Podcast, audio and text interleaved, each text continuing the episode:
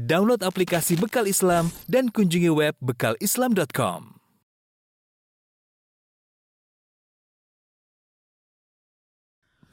Bismillahirrahmanirrahim. Assalamualaikum warahmatullahi wabarakatuh. Alhamdulillahi ala ihsanihi wa syukru lahu ala taufiqihi wa amtinanihi wa asyhadu an la ilaha illallah wahdahu la syarika lahu ta'ziman li sya'ni wa asyhadu anna Muhammadan abduhu wa rasuluhu da'ila ridwani. Allahumma salli alaihi wa ala alihi wa ashabi wa ikhwani. Para pemirsa yang dirahmati Allah Subhanahu wa taala di mana pun Anda berada. Pada kesempatan yang bahagia ini insya Allah kita akan membahas tentang kisah Nabi yang mulia Nabi Yusuf alaihissalam yang Allah Subhanahu wa taala mengkhususkan satu surat yang panjang ya, lebih dari 100 ayat tentang nabi tersebut, Nabi Yusuf alaihissalam tentang kisahnya. Dan Nabi Muhammad SAW pernah berkata dalam hadis yang diriwayatkan Imam Al-Bukhari, Al-Karim Ibnul Karim Ibnul Karim Ibnul Karim. Yaitu Al-Karim Yusuf alaihissalam Ibnul Karim. Al-Karim artinya yang mulia. Yang mulia, putranya yang mulia, putranya yang mulia, putranya yang mulia. Itu Yusuf bin Yakub bin Ishaq bin Ibrahim. Dan inilah silsilah zahabiyah, silsilah emas yang tidak pernah dimiliki oleh seorang pun.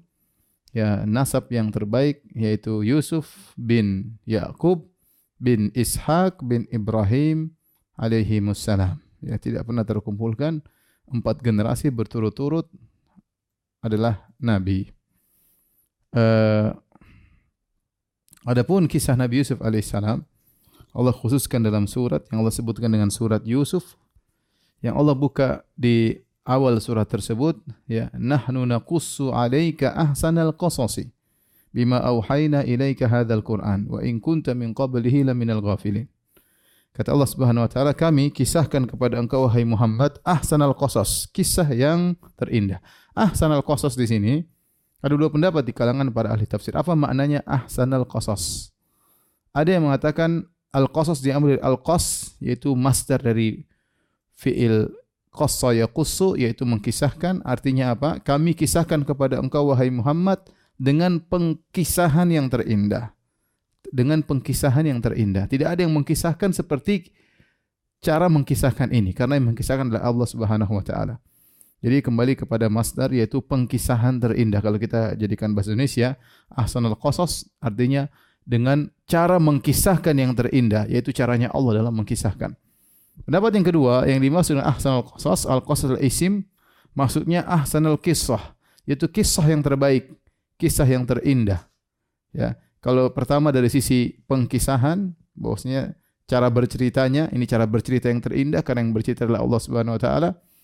Pendapat yang kedua, kisahnya sendiri yang terindah, kisahnya yang terindah. Wallah alami dua dua pendapat yang tidak bertentangan bahwasanya kisah Yusuf kisah yang terindah dan cara penyampaiannya juga yang menyampaikan Allah juga yang yang terindah. Kenapa disebutkan dengan ahsanal qasas? Kata uh, Syekh Abdurrahman bin Nasir As-Sa'di rahimahullahu taala karena dalam kisah ini Allah Subhanahu wa taala menyebutkan banyak perubahan kondisi dari satu kondisi menuju kondisi yang lain. Dari satu ujian menuju ke ujian yang lain. Dari ujian menuju kenikmatan ya bagaimana Nabi Yusuf alaihissalam yang diuji, dihasati oleh kakak-kakaknya dilempar dalam sumur, kemudian dipenjarakan, akhirnya menuju pada kenikmatan.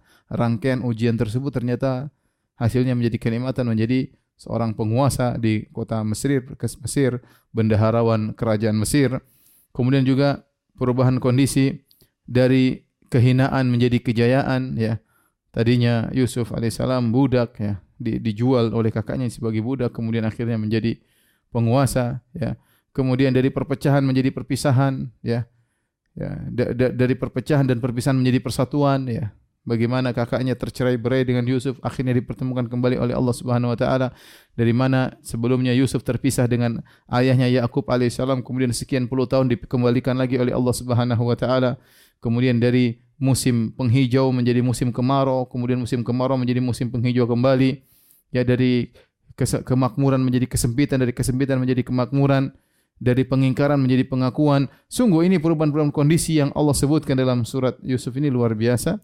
Makanya inilah di antara sebab kenapa kisah Yusuf disebut dengan ahsanal qasas, kisah yang terindah atau pengkisahan yang yang terindah.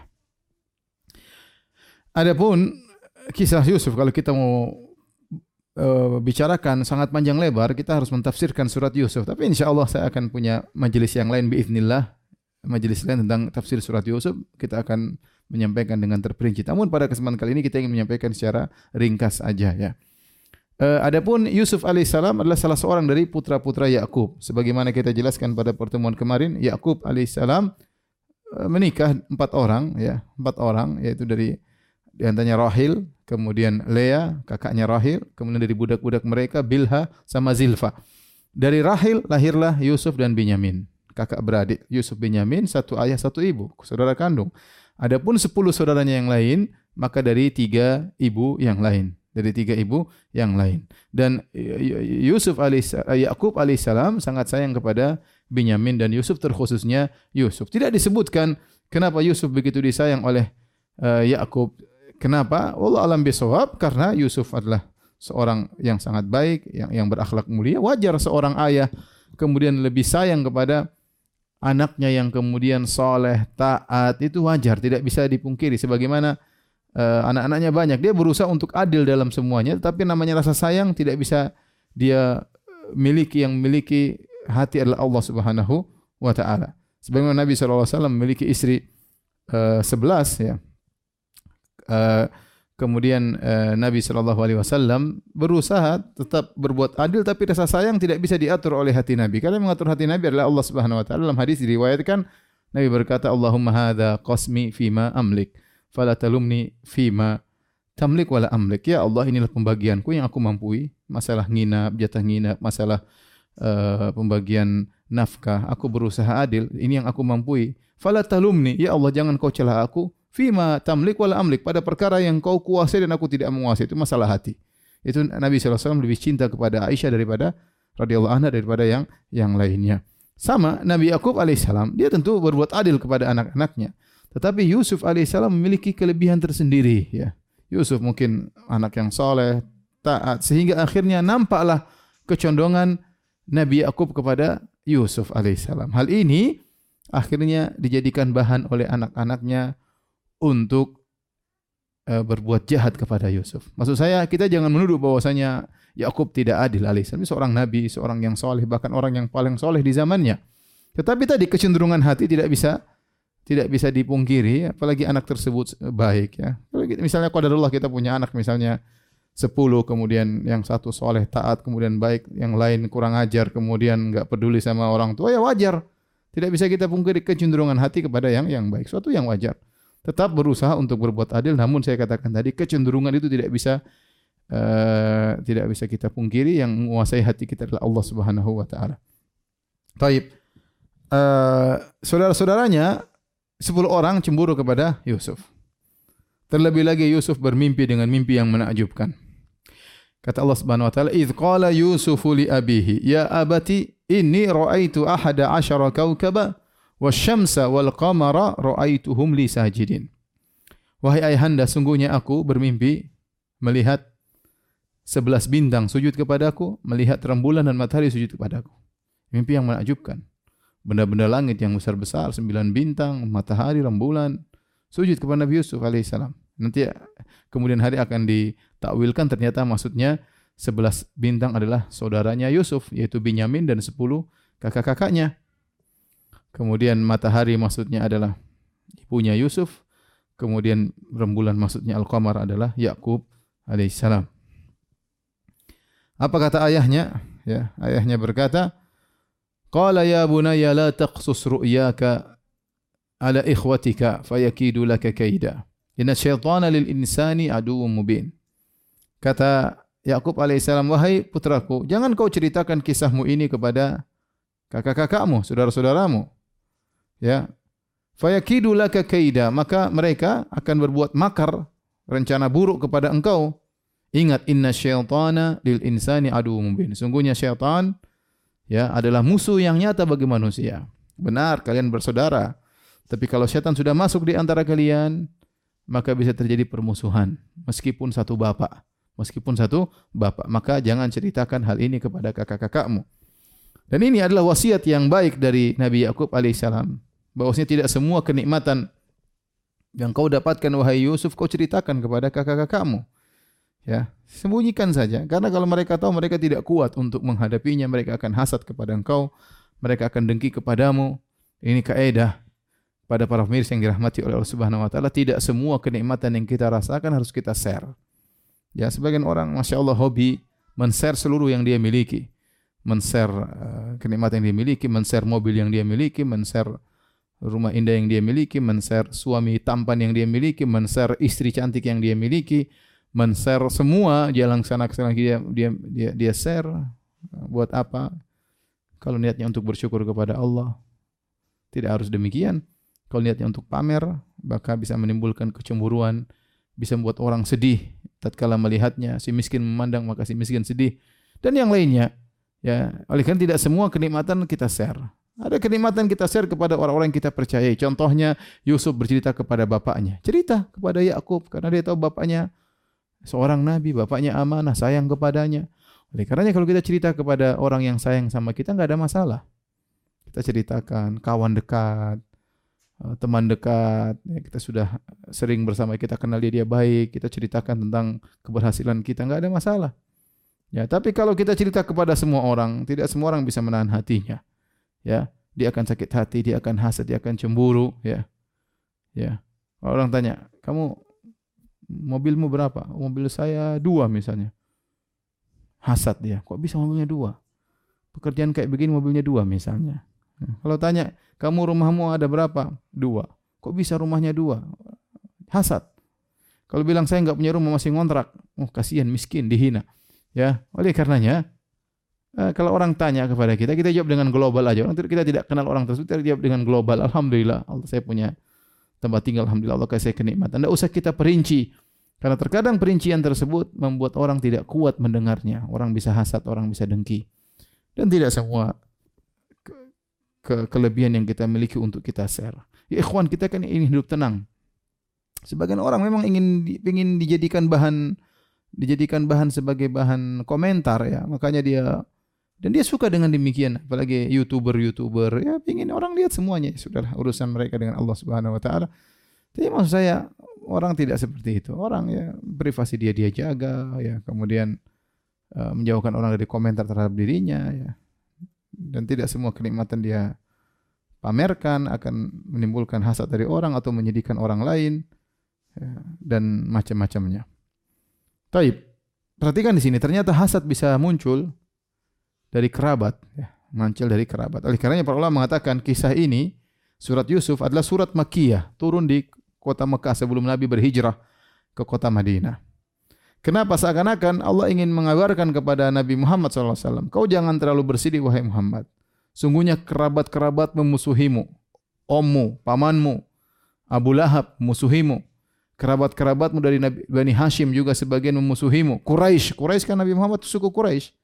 Suku besarmu Quraisy juga memusuhimu. Paling depan dalam memusuhimu Quraisy, padahal kalian satu rumpun. Eh, mereka satu rumpun dengan Nabi Muhammad SAW. Seakan-akan Allah mengatakan jangan kau sedih wahai Rasulullah SAW. Sungguhnya Nabi Yusuf alaihissalam pernah dimusuhi oleh saudara-saudaranya sebapak. Ya, sangat dekat hubungannya. Yusuf dan yang lainnya sebapak, lain ibu. Tapi ternyata hal itu tidak menghalangi syaitan untuk mengadu domba. Maka janganlah kau terlalu bersedih wahai Muhammad. Ya, sampaikan kebenaran meskipun kerabat-kerabatmu memusuhimu. Ya. Makanya Nabi Muhammad SAW sedih. Wala tahzan alaihim kata Allah jangan kau sedih atas mereka. Ya Rasulullah sedih mereka tidak dapat hidayah. Mereka musuhi Nabi SAW Rasulullah sedih dan itu ujian tersendiri. Dimusuhi oleh suku sendiri. Dimusuhi oleh Quraisy. Sama Nabi Yusuf alaihissalam dimusuhi oleh kakak-kakaknya. Ini ujian tersendiri. Ujian tersendiri. Seharusnya kakak-kakaknya menolong dia. Harusnya kakak-kakaknya bangga dengan Yusuf alaihissalam tapi justru malah memusuhinya bahkan buat makar kepadanya ya Uh, pemirsa yang dirahmati oleh Allah Subhanahu wa taala. Uh, walaupun Yusuf tidak cerita kepada kakak-kakaknya, tetapi kakak-kakaknya memang cemburu, dasarnya sudah cemburu kepada Yusuf alaihissalam. Akhirnya mereka berbicara di antara mereka, ya, di antara mereka. Qalu laqad kana fi Yusuf wa ikhwatihi ayatul lisailin kata Allah. Idz qalu la Yusuf wa akhuhu ahabbu ila abina minna wa nahnu usbah. Inna abana la fi dhalalin mubin. Kata mereka, Yusuf dan saudaranya si Binyamin lebih disayang oleh ayah kita daripada kita. Padahal kita lebih banyak. Kita 10 orang, mereka cuma berdua. Ya kita ini 10 orang, mereka cuma berdua. Yusuf bin Yamin, kita 10 orang. Apa kata mereka? Inna abana lafi dhalali mubin. Sungguhnya ayah kita dalam kesatan yang nyata. Subhanallah. Bagaimana dalam kesatan nyata? Ayah mereka adalah Nabi, Nabi Yakub alaihissalam. Yaitu sesat dalam hal duniawi. Kalau dalam agama tentunya tidak, karena mereka tahu bapak mereka seorang Nabi. Dan ini ibtila Allah menguji Nabi Yakub alaihissalam dengan anak-anak yang durhaka pada saat itu, saudara-saudara Yusuf, meskipun nanti mereka akhirnya sadar, tapi inilah ibtila ujian Allah menguji Nabi Yakub alaihissalam. Akhirnya karena mereka hasad, mereka berencana untuk berbuat keburukan kepada Yusuf alaihissalam. Kata mereka, "Uqtulu Yusuf awit rahuhu arda yakhlu lakum wajhu abikum wa takunu min ba'dihi qauman salihin." Perhatikan kata mereka. Sudah, kita bunuh Yusuf aja. Kita bunuh Yusuf. Pertama pilihan pertama bunuh Yusuf. Pilihan kedua awit rahuhu ardan atau buang dia sejauh-jauhnya di suatu areal yakhlulakum wajhu abikum sehingga tidak lagi dia tinggal di rumah kita sehingga bapak kita bisa fokus terhadap kita sayang kepada kita. Ini tujuannya. Tujuannya Yusuf dibuang kemudian Yusuf sudah tidak ada lagi sehingga kalau Yusuf sudah tidak ada Yakub alaihissalam akan fokus cinta kepada kakak-kakaknya. Yakhlulakum wajhu abikum wa takunu min ba'dihi qauman. Setelah itu jadilah kalian orang-orang saleh. Dia terencana tentunya iblis memberi ide kepada mereka. Bagaimana ya udah kita bunuh Yusuf atau kita buang dia sejauh-jauhnya, setelah itu kita bertobat. Jadi orang soleh, anak soleh. Setelah bertobat, ayah kita sayang sama kita, selesai urusan.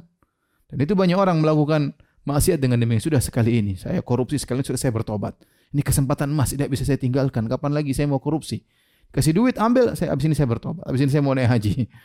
Begitu ya. Syaitan sering berbuat seperti itu, ya, e, memudahkan orang untuk bermaksiat dengan dalih abis itu kita bertobat. Abis itu engkau bertobat selesai urusan Allah Maha Pengampun. Dan inilah setan yang pernah datang kepada saudara-saudara Yusuf itulah yang pernah datang kepada kita. Yang menyuruh kita untuk bermaksiat setelah kita bertobat ya sekali ini aja sekali ini aja dua kali ini aja tiga kali ini aja empat kali ini aja terus Allah maha pengampun akhirnya kita mudah bermaksiat dan kita melakukan apa yang kita lakukan sementara kita tidak tahu apakah Allah menerima tobat kita apakah kita masih bisa hidup selanjutnya ya lihat rencana mereka Yusuf dibunuh atau Yusuf dijauhkan setelah itu ayah mereka fokus kepada Yusuf alaihissalam eh kepada mereka ternyata rencana mereka gagal semuanya Nanti setelah mereka berhasil mengasingkan Yusuf, Yusuf sudah hilang dianggap mati, ayah mereka juga tidak sayang sama mereka. Ternyata Yakub alaihissalam fokusnya kepada Binyamin, sama saja. Tujuan mereka tidak berhasil. Tujuan mereka tidak berhasil. Setan kasih gambaran caranya begini, begini, begini, mereka kerjakan ternyata tidak berhasil. Taib, setelah mereka bermusyawarah untuk membunuh Yusuf, subhanallah, hasad luar biasa ya. Hasad kalau sudah masuk pada hati seorang, bahkan saudara dekatnya pun bisa dia bisa dia celakakan ya. Dan ini menakjubkan saya pernah ketemu seorang lapor kepada saya, "Ustaz, saudara saya disihir." Siapa yang sihir? Kakaknya atau adiknya gitu. Kakaknya, loh, kasih tahu kakaknya itu syirik. Kakaknya tahu, kakaknya lulusan pondok tahu itu syirik. Tapi kenapa disihir? Ya sudah karena dia jengkel sama sama adiknya. Bayangkan. Uh, hasad luar biasa menjadikan seorang nekat berbuat kesyirikan yang penting untuk menyenangkan hatinya ya. Dan hasad pernah terjadi kepada anak anak Adam kata Allah Subhanahu wa taala watlu uh, apa namanya uh, naba abanai Adam bil haqq idh qarraba qurbanan fatuqabbila min ahadihima wa lam yutaqabbal min al-akhar ya qala qutulannab qala innama yataqabbalu minal muttaqin ceritakanlah kepada mereka naba abanai Adam tentang kisah dua anak Adam. Tatkala mereka berdua itu Qabil dan Habil konon namanya Qabil dan Habil tatkala mereka berdua memberikan kurbanan yaitu hewan kurban kepada Allah. Fatuqbila min ahadihima diterima dari salah satunya. Walam yutaqabbal minal akhar yang satu tidak diterima. Akhirnya yang tidak diterima hasad. Qala aku tulannak aku akan bunuh engkau. Ternyata hasad menjadikan seorang bisa membunuh saudaranya sendiri. Dan lihatlah 10 orang ini ternyata berencana untuk membunuh Yusuf. Mereka rencanakan gimana kita bunuh Yusuf. Tapi di antara 10 orang tersebut ternyata ada yang yang baik ya. Binyamin tidak ikut dalam rapat tersebut karena Binyamin uh, satu satu rumpun sama Yusuf sehingga tidak di, tidak dianggap tidak diajak musyawarah oleh kakak-kakaknya. Karena Benyamin tentu membela Yusuf alaihissalam. Kata Allah Subhanahu wa taala, "Qala qailun minhum la taqtulu Yusuf." Salah seorang dari mereka berkata, "Janganlah kalian bunuh Yusuf.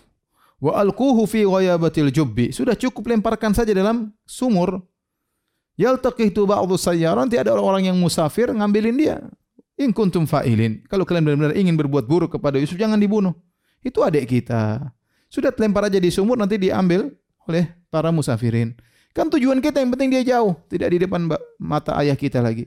Kalau dia sudah nggak ada, ya kita fokus sama kita. Sudah, nggak usah dibunuh. Yang penting tujuan tercapai. Ini yang terbaik di antara mereka. Ini orang yang terbaik di antara 10 orang tersebut.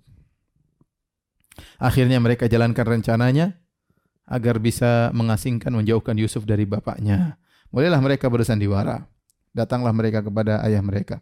Ya abana, malaka la ta'manna ala Yusuf wa inna lahu lanasihun. Wahai ayahanda, wahai ayah kami, Kenapa engkau tidak percaya kepada kami untuk urusan Yusuf? Wa inna lahu lanasihun. Sungguhnya kami sangat ingin kebaikan kepada Yusuf. Nasihun artinya kami ingin kebaikan kepada Yusuf. Mereka menggunakan uh, nun taukid wa inna lahu lanasihun. Nun taukid lun lam taukid. Kalau kita artikan bahasa Indonesia, padahal kenapa ayahanda kau tidak percaya kepada kami untuk urusan Yusuf? Padahal wa inna lahu lanasihun. Kami ini benar-benar sangat ingin kebaikan kepada Yusuf. Arsilhu ma'ana gadan yarta' wa yal'ab wa inna lahu lahafizun.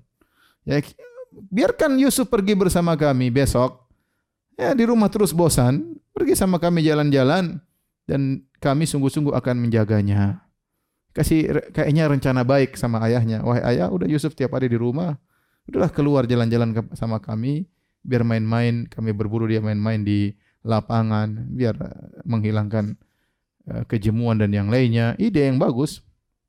Apalagi Yusuf masih anak-anak mungkin suka main-main.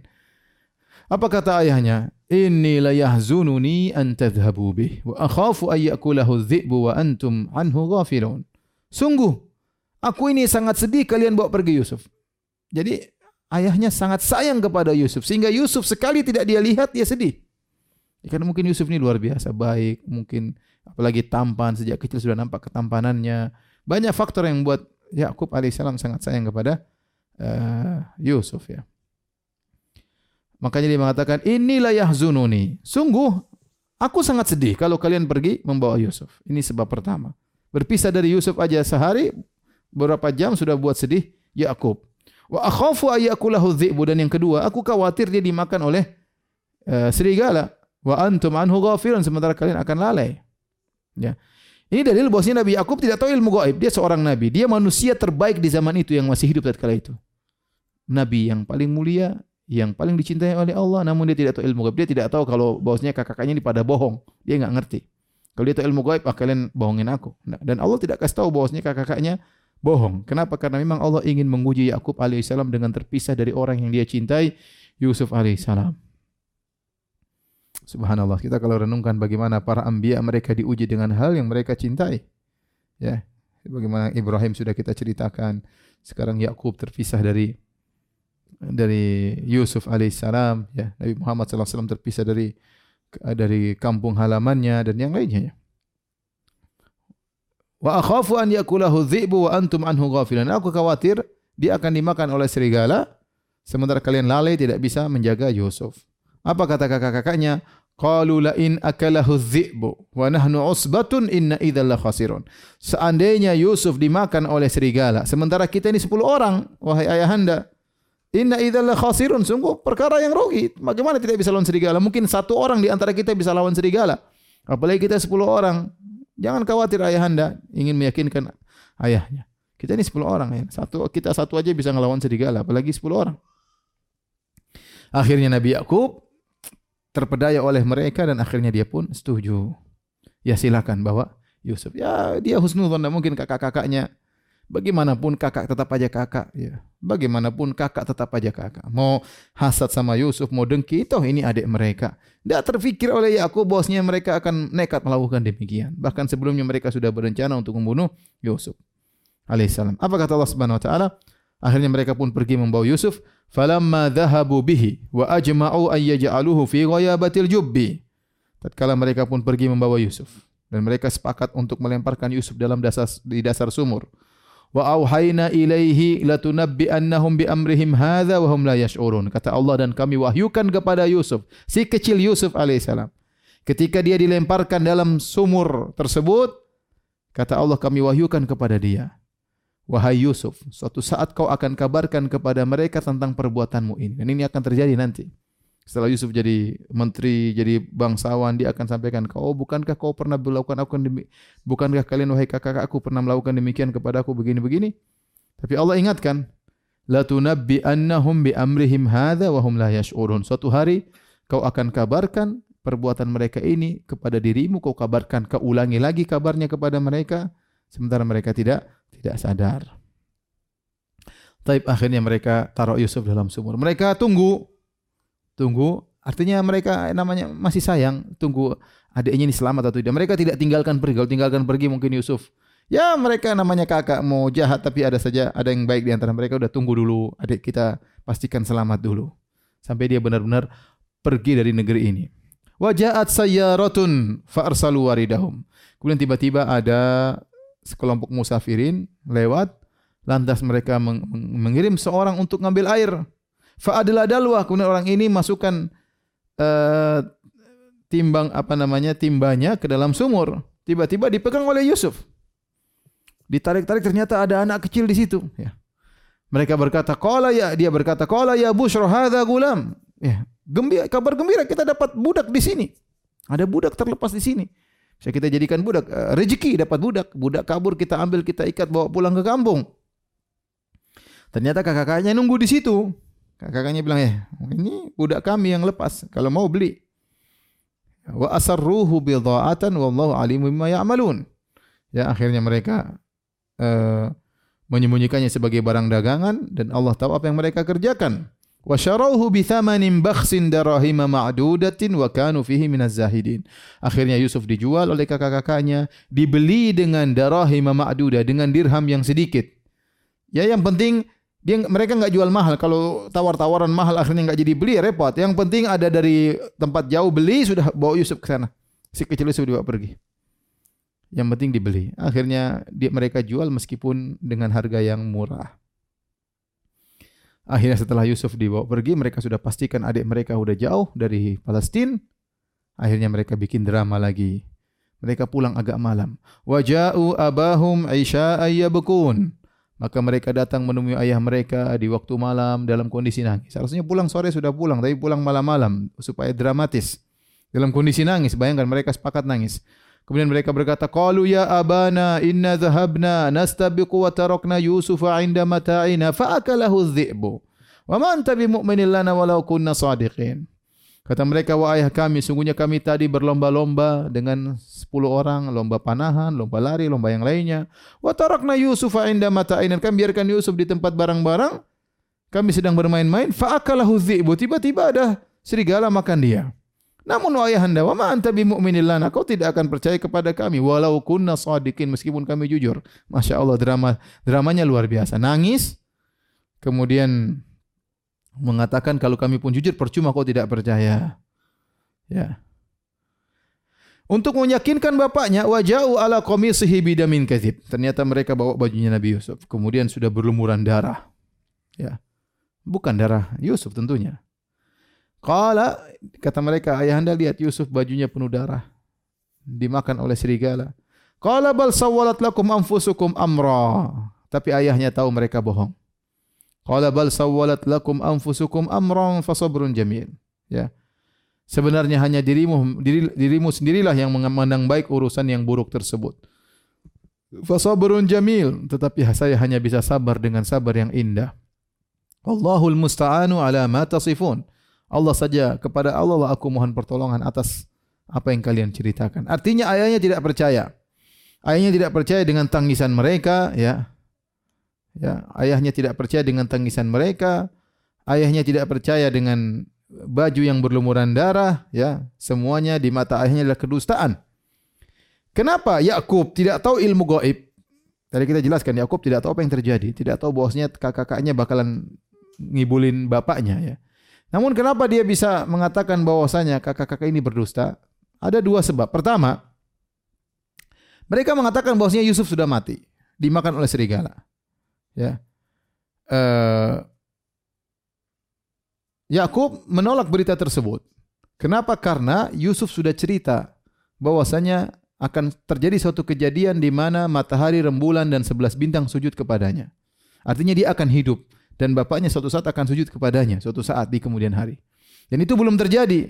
Bagaimana kemudian dikatakan sekarang dia sudah mati sementara mimpi tersebut mimpi yang menunjukkan masa depan. Oleh karenanya Yakub mengatakan ini bohong karena Yusuf enggak mati. Karena dia pernah bercerita bahwasanya ada rembulan, matahari dan sebelas bintang sujud kepadanya. Ini yang pertama. Yang kedua dilihat dari indikasi indikasi kebohongan apa dari baju yang dibawa, bukti yang dibawa. Ternyata baju disebutkan bahwasanya baju Nabi Yusuf tersebut ternyata penuh darah namun tidak terkoyak-koyak. Dan ini indikasi kebohongan. Kalau namanya serigala, tidak mungkin dia makan kecuali baju terkoyak-koyak, robek-robek. Jadi mereka sudah berusaha bohong, tapi miss. Ada satu kesalahan mereka. Baju Nabi Yusuf tidak mereka robek-robek. Jadi ini tanda bahwasanya mereka bohong. Ya, ya. Jadi apa namanya uh, mereka mengkambing hitamkan serigala. mereka mengkambing hitamkan serigala. Serigala yang dituduh. Padahal bara'atu dhi'bi min dami Yusuf ya. Serigala berlepas diri dari darahnya Yusuf. Ya ada tulisan makalah demikian bara'atu dhi'bi min dami Yusuf. Serigala berlepas diri dari darah Yusuf. Artinya dia dituduh oleh kakak-kakaknya membunuh Yusuf padahal bukan dia yang mem membunuh. Taib, Uh, tapi Nabi Nabi Yakub alaihissalam tahu anak-anaknya ini bohong, tapi dia tidak mencela, tidak maki, tidak marah-marah. Dia hanya mengatakan fasobrun jamil. Subhanallah. Ayah yang luar biasa yang sangat sabar, dikerjain sama anak-anaknya, dipisahkan dari anak yang paling dia cintai. Ini tingkat durhaka yang luar biasa oleh anak-anaknya. Tapi apa kata Nabi Yakub? Fasabrun jamil. Wallahul musta'anu ala ma tasifun. Hanya kepada Allah aku mohon pertolongan atas kebohongan yang kalian lakukan. Fasabrun jamil. Nah, apa yang dimaksud dengan sabrun jamil? Dalam Al-Quran Allah sebutkan sabrun jamil, sabrun jamil, hajran jamila, hajrun jamil, kemudian asafhul jamil. Tiga. Sabrun jamil, hajrul jamil, sama asafhul jamil. Allah sebutkan dalam Al-Quran. Ya. Wahjurhum hajran jamila. Fasfahi safhal jamil. Yang pertama, sabrun jamil, sabar yang indah, berarti ada sabar yang kurang indah. Sabar yang indah itu apa? Sabar yang tidak disertai dengan mengeluh kepada manusia. Seorang yang disebut sabrun jamil, dia sabar, dia hanya mengeluh kepada Allah. Artinya dia berdoa, hanya berdoa kepada Allah, menceritakan penderitaannya kepada Allah, minta solusi dari Allah. Itu namanya sabrun jamil. Adapun orang yang sabar tapi kemudian dia uh, cerita sama orang, curhat sama orang, itu bukan sabrun jamil. Bukan sabrun jamil. Dia curhat kepada orang tentang penderitaan yang dia rasakan. Kata para ulama, seakan-akan dia mencurhatkan Allah kepada orang ini. Seakan-akan dia mengatakan, aduh Allah ini nakdirkan saya enggak benar. Jadi orang kalau curhat hati-hati ya. Seorang kalau ingin sabrun jamil, sudah. Dia dia bukan, kalaupun cerita sama orang bukan dalam rangka untuk, bukan dalam rangka untuk, uh, apa namanya, mengeluh tentang kondisinya. Tapi dalam rangka mencari solusi enggak ada masalah. Ya, seorang datang, Misalnya Ustadz suami saya begini-begini, tapi waduh kenapa saya seperti ini, kenapa Allah mentakdirkan demikian, itu nggak boleh, haram hukumnya. Tapi sobrun jamil adalah kesabaran yang tidak disertai dengan curhat kepada orang lain. Ini yang terindah. Makanya Nabi Yakub alaihissalam sebagaimana akan kita datang ayatnya dia mengatakan innama ashku bathi wa huzni ila Allah sebagaimana kita singgung pada dua hari yang lalu dia mengatakan sungguhnya aku hanya mengadukan kesedihanku dan penderitaanku hanya kepada Allah Subhanahu wa taala itulah sabrun jamil tapi yang kedua hajron jamil. Hajron jamil. Wahjurhum hajron jamila. Dan tinggalkanlah mereka dengan peninggalan yang baik. Eh, maksudnya apa? Seorang meninggal ada masalah dia dengan orang. Dia berusaha meninggalkan orang tersebut dengan cara yang baik. Kita mungkin tidak cocok sama orang lain, tidak harus kita ribut dengan dia. Ini kaidah dalam kehidupan. Kita nggak suka sama orang, kita pernah berkong sama dia dalam dalam pekerjaan, dalam dakwah mungkin, dalam yayasan, kita nggak cocok sama dia, harus kita ribut baru uh, pecah kongsi dalam kondisi ribut. Kita bisa meninggalkan dengan cara yang baik. Itu namanya hajran jamilan dan itu akhlak yang mulia. Ya sudah kita mundur bertahap, mundur pelan-pelan, kemudian kita bilang dengan alasan yang baik, kemudian kita tinggalkan. Contoh, kita dalam grup WhatsApp. Kemudian terjadi keributan ada satu ngejek, satu eh sudah, kita nggak cocok nih, nggak cocok dengan grup ini. Nggak usah kita ribut di situ, nggak usah. Tinggalkan dengan cara yang baik. Ada saat yang tepat kita bilang Assalamualaikum warahmatullahi wabarakatuh. Alhamdulillah begini begini begini. Saya kondisi sibuk dan macam-macam. Assalamualaikum. Tinggalkan masalah. Tidak harus kita tinggalkan, tidak harus ribut. Karena kita namanya dalam kehidupan manusia sosial, terkadang kita interaksi, terkadang kita gabung sama orang dalam satu yayasan, terkadang kita gabung sama orang dalam satu kelompok, dalam satu apa namanya grup WhatsApp, dalam grup dakwah, dalam yang lainnya, kemudian timbul permasalahan. Nah, kita hadapi dengan hajran jamilan. Ingat hati-hati, tidak harus kita berpisah harus ribut. Ada orang tidak bisa begitu. Kalau bisa harus ribut. Setelah itu berlanjut dendam, aduh hanya membuat kita menderita. Dia menderita, kita pun menderita. Mungkin kita lebih menderita daripada daripada dia. Akhirnya cari kesalahan ribut, tidak usah. Keluar dengan cara yang baik. Assalamualaikum, assalamualaikum, alhamdulillah. Itu namanya hajran jamilan. Meninggalkan dengan cara yang baik. Yang ketiga, fasfahi sofhal jamil. Maafkanlah dengan cara yang baik. Ini yang susah. Banyak orang memaafkan tapi dia uh, menggerutu, mencela dan yang lainnya. Ya, ya kamu brengsek, kamu kurang ajar tapi saya maafkan. Banyak orang seperti itu. kamu brengsek, kamu kurang ajar, memang kamu brengsek tapi saya maafkan. Tapi kalau sof hal jamil, dia enggak ada mencela. Dan itu nanti dipraktikkan oleh Yusuf alaihissalam. La tathriba alaikum liyum. Nanti akan sampaikan dia kepada saudara-saudaranya, tidak ada celaan kepada kalian. Memaafkan tanpa mencela itu berat, tapi itu ibadah. Jadi saya kata ini semua ibadah. Sobrun jamil ibadah. Hajrun jamil ibadah, meninggalkan tanpa ribut ibadah. Antum kira bukan cuma ke, ke, dapat kemaslahatan duniawi, tidak. Itu ibadah. Orang Allah yang suruh. Orang yang Allah yang suruh. Soful jamil meninggalkan, memaafkan tanpa mencela juga ibadah. Kita nasihati boleh. Ya akhi ente begini lain kali jangan begini. Tapi ente kurang ajar ente brengsek ente ternyata busuk ente ternyata licik ente ternyata kecut ente ternyata asem ah, repot kalau begitu. Itu namanya bukan soful jamil.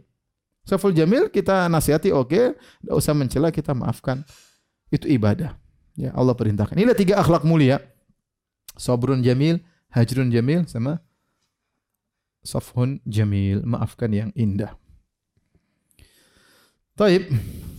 Akhirnya uh, Yusuf alaihissalam si kecil Yusuf dijual, akhirnya dibelilah oleh seorang menteri di negeri Mesir yang memiliki seorang istri yang cantik jelita yang konon namanya Zulekha. Tidak ada hadis yang sahih yang menyebutkan namanya Zulekha, tapi orang menyebutnya Zulekha. Kita buat menyebut saja Zulekha untuk memudahkan. Tapi sebenarnya kita mengatakan Imra'atul Aziz, istrinya sang menteri. Ya. Uh, ketika dibeli oleh mereka, apa kata sang menteri? Asa an yanfa'ana aw nattakhidahu walada. Uh, semoga ini anak budak ini kita beli semoga bermanfaat bagi kita di kemudian hari atau kita jadikan anak angkat. Ini menunjukkan bahwasanya Yusuf kecil, masih kecil waktu di di dibuang ya. ya, dibuang dan dibeli oleh mereka. Subhanallah, kebetulan mereka tidak punya anak. Mereka berniat untuk mengangkat Yusuf sebagai anak mereka. Akhirnya Yusuf alaihissalam tumbuh berkembang di rumah tersebut. Subhanallah, dia menjadi seorang laki-laki yang sangat tampan. Tampannya tidak wajar tampaknya tidak tidak wajar ya. Ya dan dia berbeda Yusuf dari suku uh, Bani Israel. Adapun penduduk Mesir ya sukunya lain. Ada yang suku Heksos ya. Ada yang mengatakan suku Akbat. Intinya sukunya lain. Sukunya lain. Dan sampai akhirnya Yusuf begitu tampan sampai dalam hadis ya. Nabi ketika Isra Mi'raj Nabi melihat Yusuf wajah yang tampan kata Nabi sallallahu alaihi wasallam waqad utiya syatrul jamal Yusuf diberikan setengah ketampanan. Banyak tafsiran apa maksudnya setengah ketampanan ini, tapi intinya ada yang berpendapat bahwasanya setengah setengah ketampanan manusia diberikan kepada Yusuf alaihissalam. Sangat tampan ya. Saya dan Anda kita nggak tahu berapa persen kita yang seperberapanya dari ketampanan dunia ini. Tapi Yusuf alaihissalam bayangkan setengah ketampanan untuk Nabi Yusuf alaihissalam. Salah satu tafsiran ulama syatrul jamal yaitu diberikan setengah ketampanan. Tampannya luar biasa. Akhirnya istri majikannya ini yang konon namanya Zulekha Imra'atul Aziz akhirnya tertarik kepada Yusuf. Kenapa tiap hari ngelihat? Ya. ya tiap hari ya sering ketemu lama-lama tresno ya kata apa? Lama-lama sayang kata orang Jawa ya. Ya, lama-lama ketemu lama-lama sayang lama jatuh cinta, apalagi Yusuf tampannya luar biasa. Allah berfirman, akhirnya suatu hari sang wanita ini pun mulai merayu Yusuf. Ya, tiap hari dia lihat lama-lama dia jatuh cinta.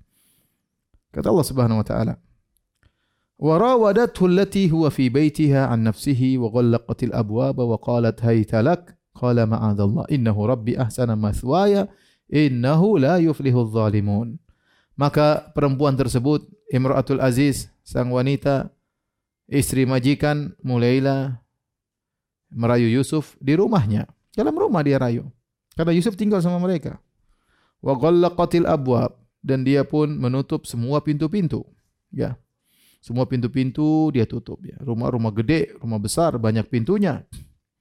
Atau bisa jadi ini pintu kamar dia tutup, kemudian pintu ruangan kedua dia tutup, pintu ruangan ketiga dia tutup saking besarnya rumah tersebut, ya. Saking besarnya rumah tersebut. Sebagian kita, masya Allah rumah pintu cuma ya dua ya, pintu masuk langsung pintu WC ya kan. Rumahnya kecil ya. Kadang pintu WC pun tidak ada pakai horden ya. Sebagian orang, masya Allah, saya dengar rumah kecil cuma tiga kali empat, situlah tempat tidurnya, tempat dapurnya, kemudian ada WC cuma dikasih kain. Subhanallah. Kita harus banyak bersyukur kepada Allah Subhanahu Wa Taala. Kita bercerita tentang rumah seorang menteri pembesar di kota Mesir yang rumahnya banyak pintunya. Makanya disebut wa ghallaqatil abwab, maka dia pun menutup pintu-pintu. Entah dia tutup dengan begitu kencengnya atau dia ulang-ulang kuncinya karena banyak banyak pintu harus ditutup. Satu pintu ditutup, pintu kedua ditutup, pintu ketiga ditutup. Seterusnya. Dia pasang rencana dengan rencana luar biasa ya. Setelah dia kunci tutup, dia jebak Yusuf. Mungkin disuruh ke kamarnya untuk ngurus apa kek, untuk ngurus apa. Datanglah Yusuf alaihissalam. Ternyata pintu dia kunci semuanya. Kemudian dia berkata, wa qalat hai talak. Kemarilah wahai Yusuf. Dia yang merayu. Apa kata Yusuf alaihissalam? Qala ma'adallah. Aku berlindung kepada Allah. Innahu rabbi ahsana maswaya. Sungguhnya Tuanku telah berbuat baik kepadaku. Ya, telah memperlakukan aku dengan baik. Innahu la yuflihu dhalimun. Sungguhnya tidak akan beruntung orang-orang yang zalim. Perhatikan di sini, saya ingin memberikan gambaran bagaimana beratnya ujian yang dihadapi oleh Nabi Yusuf alaihissalam. Oleh karenanya, para ulama menyebutkan berkumpul ujian yang dihadapi oleh Nabi Yusuf alaihissalam. Ini adalah mangkobah, adalah kemuliaan Nabi Yusuf yang tidak semua orang bisa menghadapinya. Ujian yang berat seperti ini. Ya. Uh, perhatikan ya. Ujian sangat berat. Bagaimana Nabi Yusuf alaihissalam menghadapinya. Pertama, Ibnu Qayyim menyebutkan dalam kitabnya uh, Al-Jawabul Kafi ada sekitar 10, kemudian juga disebut oleh Abdurrahman bin Nasir As-Sa'di dalam tafsirnya sekitar 10 ujian. Yang pertama perhatikan, saya ingin menggambarkan bagaimana ujian berat Nabi Yusuf alaihissalam. Yang pertama Nabi Yusuf alaihissalam muda. Kita tahu anak muda syahwatnya lebih bergelora daripada yang yang tua-tua ya. Ya kecuali tua-tua keladi ya. Namun asalnya yang muda lebih bergelora. Oleh karenanya kalau yang muda berzina dengan yang tua berzina, dosanya lebih besar yang tua berzina. Sama-sama dosa besar, tapi yang tua berzina dosanya lebih besar. Waliyadzubillah ada orang seperti itu, sudah tua masih berzina. Kenapa? Karena faktor dia untuk bermaksiat kecil, lebih kecil. Dia sudah tua. Ya. Makanya sebagaimana pernah saya sampaikan pada pertemuan sebelumnya, Kata Nabi SAW, salah satu la yukallimuhumullah wa la yanzuru ilaihim wa la yuzakkihim yaumal qiyamah lahum adzabun azim. Tiga orang Allah tidak akan memandangnya dengan pandangan rahmat, Allah tidak akan mensucikan mereka, Allah tidak akan ngajak berbicara dengan mereka dan mereka adab yang pedih di antaranya usyaimitun zanin, orang tua yang berzina. Kemudian malikun eh, kadzab, raja yang berdusta. Yang ketiga ailun mustakbir, miskin tapi sombong. Kenapa? Karena tiga ini faktor untuk dia bermaksiat kurang. Bayangkan. Uh, ailun mustakbir, miskin sombong. Orang kalau kaya sombong wajar. Ini miskin apa yang mau disombongkan? Sudah miskin sombong, maka dosanya lebih besar daripada kaya yang sombong. Saya ulangi. Ada miskin sombong, dosanya lebih besar daripada kaya yang sombong. Sama-sama dosa besar, sombong. Tetapi miskin sombong lebih besar dosanya. Kenapa? Dia tidak ada faktor untuk sombong. Kenapa sombong? Kemudian kedua, malikun kadzab, raja berdusta. Kenapa dia perlu berdusta? Ya, sementara dia raja, dia bukan presiden, dia dia raja yang semua orang tunduk kepada dia, semua di bawah tahta dan perintahnya. Ngapain dia di bawah tahta dan perintahnya? Kenapa kenapa dia harus berbohong? Dia bohong tidak perlu. Terus dia masih bohong juga, buat apa? Maka dosanya lebih besar daripada bohongnya orang yang lain. Yang ketiga, usyaimitun usyaimitun zanin, yaitu orang tua yang berzina. Orang tua yang berzina, ya. Eh, lihat, Yusuf alaihissalam masih muda. Tentu syahwatnya bergelor tidak sama seperti orang tua.